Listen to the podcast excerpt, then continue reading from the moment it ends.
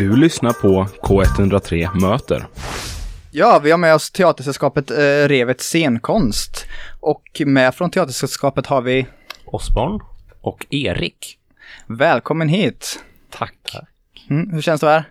Kul. Jättekul. Ja. Jag För ni- tyckte det var fint att du sa teatersällskap. Det tyckte Ja, jag var det ska vi anamma tror jag. Är, ni, är ni inte teatersällskap? Jo. Ja, jo, det är vi. Jo, det är en grupp. Och det blir väl ett sällskap. Ja. Ni ska uppträda ganska, eller ni har uppträtt en gång här i Göteborg nu. Och så nu nästa är på den 21 På söndag ja. på söndag. Och då Yes. ska ni uppträda på På Göteborgs stadsteater. Stadsteater. Jajamän. Hur eh, kommer man in där?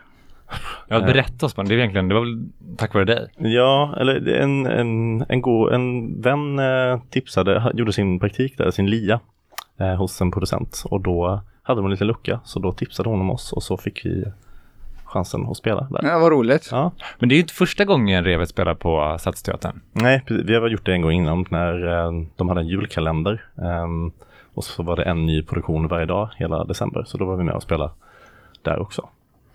Nice. Och vilken pjäs är det ni ska framföra? Nattygsbordet heter den. Och den är ganska speciell, för det är inte vem som helst som har skrivit den. Nej. Nej, nej, nej. Vem är det som har skrivit? Det är en artificiell intelligens som har skrivit den. Mm. Berätta lite om, eh, ja, hur kommer det att ni ville prova det? Men det var eh, en i gruppen, eh, regissören Dan Andersson, eh, som hade eh, tråkigt på sitt jobb som han jobbade på. Så att han satt och googlade lite på vad man kan göra med AI. Eh, och då hittade han en, den här AIn, eh, ChatGPT 2. Ehm, och innan det hade han testat lite, försöka göra en pjäs med um, chattbottar och sätta dem mot varandra. Men det blir inte så kul för de bara frågar efter varandras namn hela tiden. Så, vad heter du? Vad heter det här? Jag har redan sagt mitt namn. Ja. Eh, Så det blev liksom inte så bra. Så då hittade han den här eh, AIn och tog ehm, de två första eh, när de frågade efter varandras namn. Och så skrev in dem i, ehm, i AIn och så fortsatte den bara bygga efter det. Liksom. Och detta var ju 20, vad var det? 19, Ja. 2019.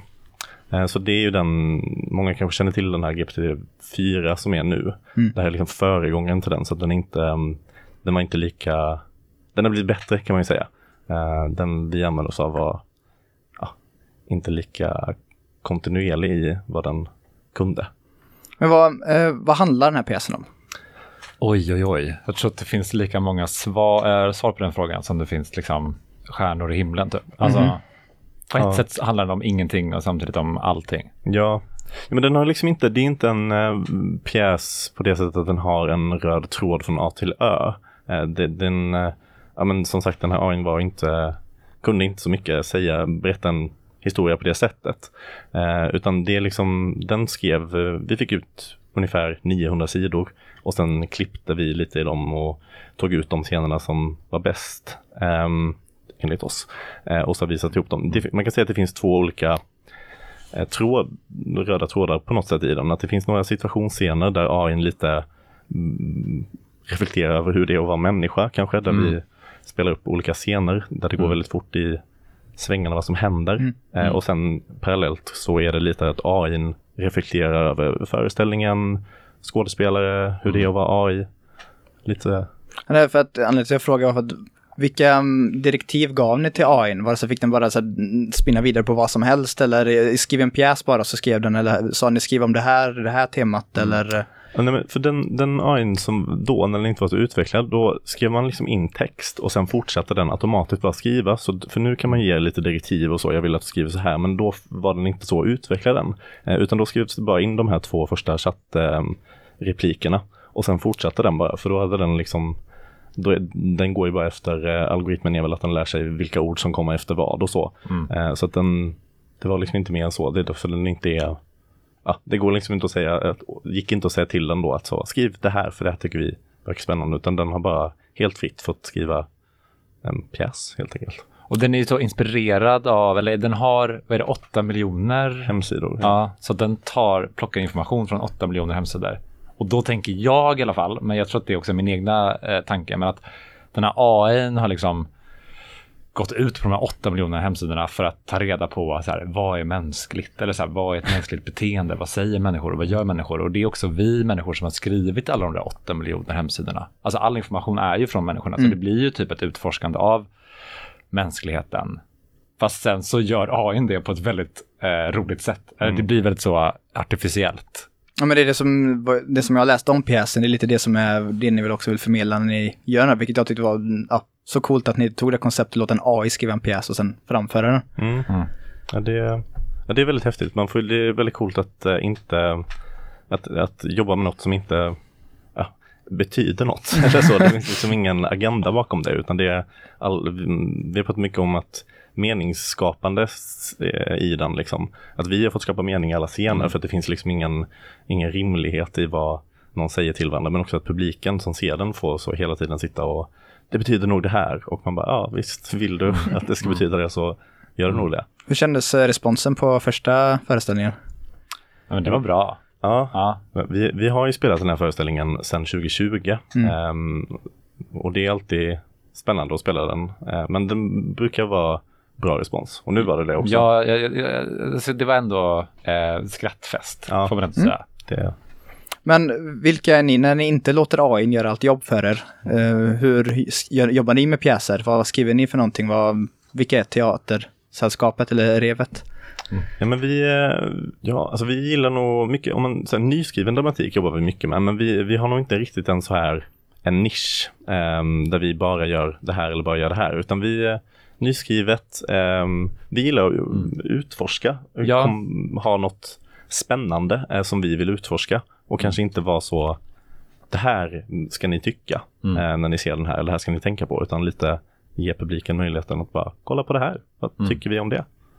Mm. Och Jag, jag är ganska ny till gruppen och jag har också sett då utifrån. Och jag skulle säga att det är ganska ja, men experimentellt att så ja, men se en tidigare föreställning, då var väl Valet, som var en eh, interaktiv föreställning där man fick rösta på. Det handlade om fyra eh, statsministerkandidater och så fick publiken rösta fram vilka som skulle vara kvar i föreställningen. Och de åkte ut på riktigt då om den, den som fick minst röster. Och det var ju så här, ja men ett experiment, så här, vad är formen teater typ? Mm. Eh, och ni var tvungna att ha, vad var det, 24 olika scener eller så, det var massa olika grenhistorier liksom. Och det är något så här, ja. Men det är väl därför att ni, ni tar ju verkligen in så här AI och att eh, interaktionen med publiken och verkligen tar det till teaterföreställningen, vilket eh, ja, väldigt kreativt. Ja, men det är kul, det känns, eller teatern är ju också, det, man måste ju ta in nya grejer eller så. Det finns ju i Göteborg, så här, det finns ju teatrar man kan gå på men det för att, hitta, för att det ska vara kul för oss som gör det också, att inte bara återskapa samma eh, form av scenkonst hela tiden så måste man väl våga tänka lite utanför boxen och jag tror det är det vi tycker är kul att göra. Att eh, utmana oss själva lite i hur, vi, hur vi gör teater. Känner ni er hotade nu då när en AI kan skriva pjäser? Alltså, vi har ju testat den nya. Mm. Det gjorde vi när vi åkte runt. Ja, när den kom där väl, ja, den här fyran liksom. Och det är så, det blir så fruktansvärt tråkigt nu idag när en AI skriver en pjäs. För det är väldigt platt och det är väldigt så uträknat, kanske som om en, ja, Inte så mycket nyanser kanske? I... nej men typ en lågstadie eller högstadieelev har skrivit en pjäs. Och det handlar om, ja, man är på jobbet och det är tråkigt. Och sen byter man jobb, det blir bra. Och, och sen slutar det. En enkel lösning och så är allt Ja. guld och gröna skogar sen. Ja.